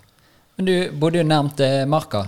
Har du alltid vært litt sånn naturkis, eller har det blitt litt mer For For det er ord på gaten Jeg sier alltid ord på gaten. Det er jo at du eh, har bygga deg en hytte. Ja, ja, jeg Du driver trenger og ikke si hvor den er, du det. nei, det trenger du ikke. Men eh, nei, jeg driver og bygger en liten hytte, og jeg har ikke alltid vært Jeg, jeg er byrotte, egentlig. Jeg har aldri Eller jeg skal ikke si aldri, for jeg fatter har liksom dratt meg ut på fjellet her og der. Mutter også.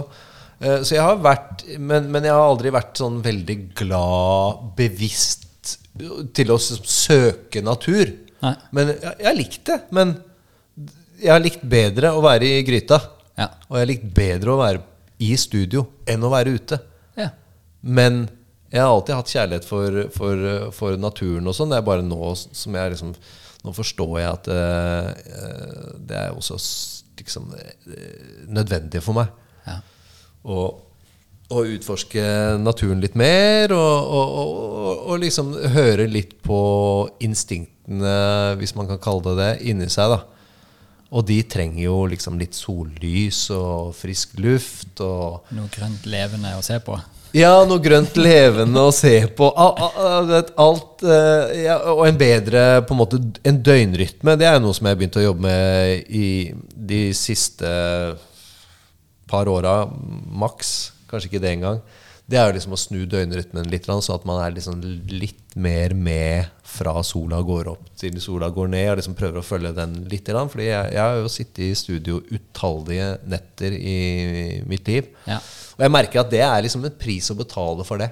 Det er nok det. Det er det, altså. Ja. Og det er vel studiolivet og den biten der med at eh, det er vampyrene. De sitter inne og eh, lager lyd. Jo, det er litt sånn, men det, det er litt sånn derre Det er også litt sånn Jeg merka jeg, jeg i alle år vært sånn ja, Jeg må lage musikk når det er mørkt, og da er det ikke noe annet uh, som skjer, og da, da er det ikke noen telefoner og Det er jo det er jo fint. Det er ikke så mange distraksjoner. Man får liksom gått dypt inn i musikken på en annen måte, men uh, det der med at det må være mørkt og man jobber bedre da, det, det gjelder ikke for meg lenger. Nå er jeg sånn Står opp eh, klokka sju, får unga på, på skolen og spaserer langs Akerselva ned på studio og begynner å, å lage musikk da. Da har jeg masse overskudd og går all in der i de timene jeg har, fram til jeg må gjøre et eller annet annet.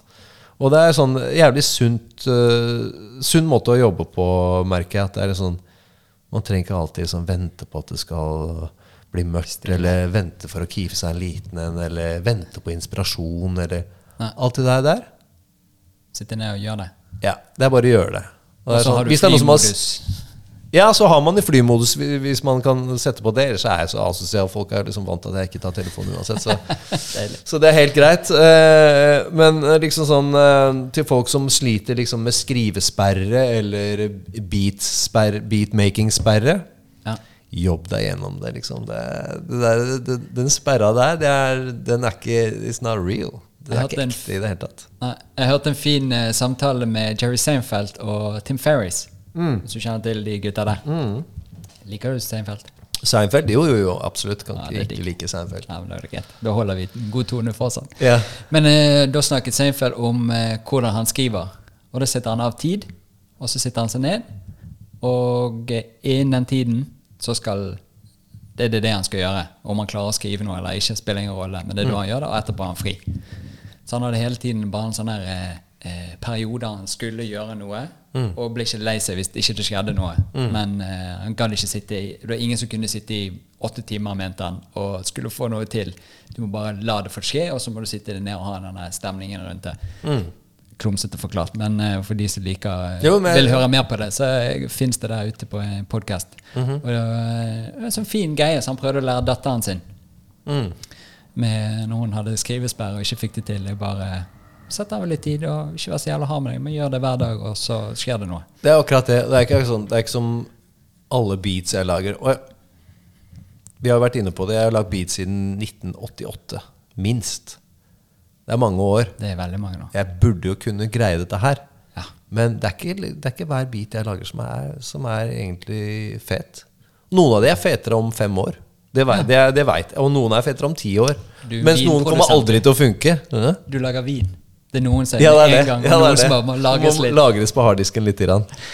Så ja, for øvrig, apropos det, så kan jeg jo reklamere litt for et album jeg har som kommer snart, som heter Overskudd, som er litt sånn lagd ut ifra det. Ting som har ligget på harddisken, og som fortsatt fortjener dagens lys. Nå er ikke de fem eller ti år gamle, de låtene som kommer der, men eh, lagd litt uh, mer sånn den uh, For å gå litt mot den derre bruk og kast-tankegangen, litt mot uh, liksom Alt det nye er kulere. Ja. For det er sånn, Som produsent så er liksom, den nyeste låta er ofte den feteste. ja. Men så går det noen uker, og så bare ja, egentlig så var det mye kulere enn den. Men ok. Så, så jeg har et album som heter Overskudd, som kommer også. Så kan jeg nevne det i en bisetning. Kult. Og vi kan jo linke opp til alt mulig. Jeg prøver å bli flink til sånn linking og være sosiale medier-kiss. Så det er bare Ja, trening for meg, dette. Dem om det.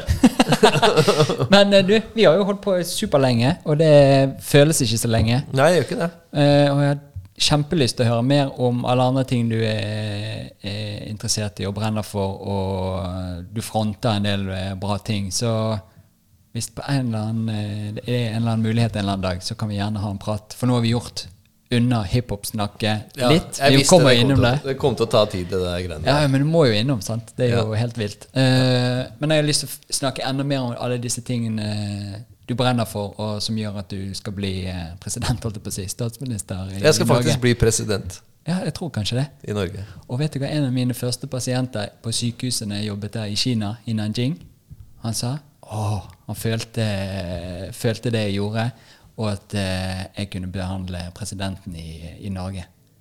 Det er jo deg. Vi har ikke hatt president ennå. Så da er Nice. du første, og så kan jeg Nice. behandle deg. Ja, ja, ja. Jeg trenger definitivt alt jeg kan få av eh, behandlinger og boost. Gud, så deilig. Du, tusen, tusen takk for at du har satt av eh, dagslystid, det er solen her og alt mulig, til å bruke med meg på kjøkkenet.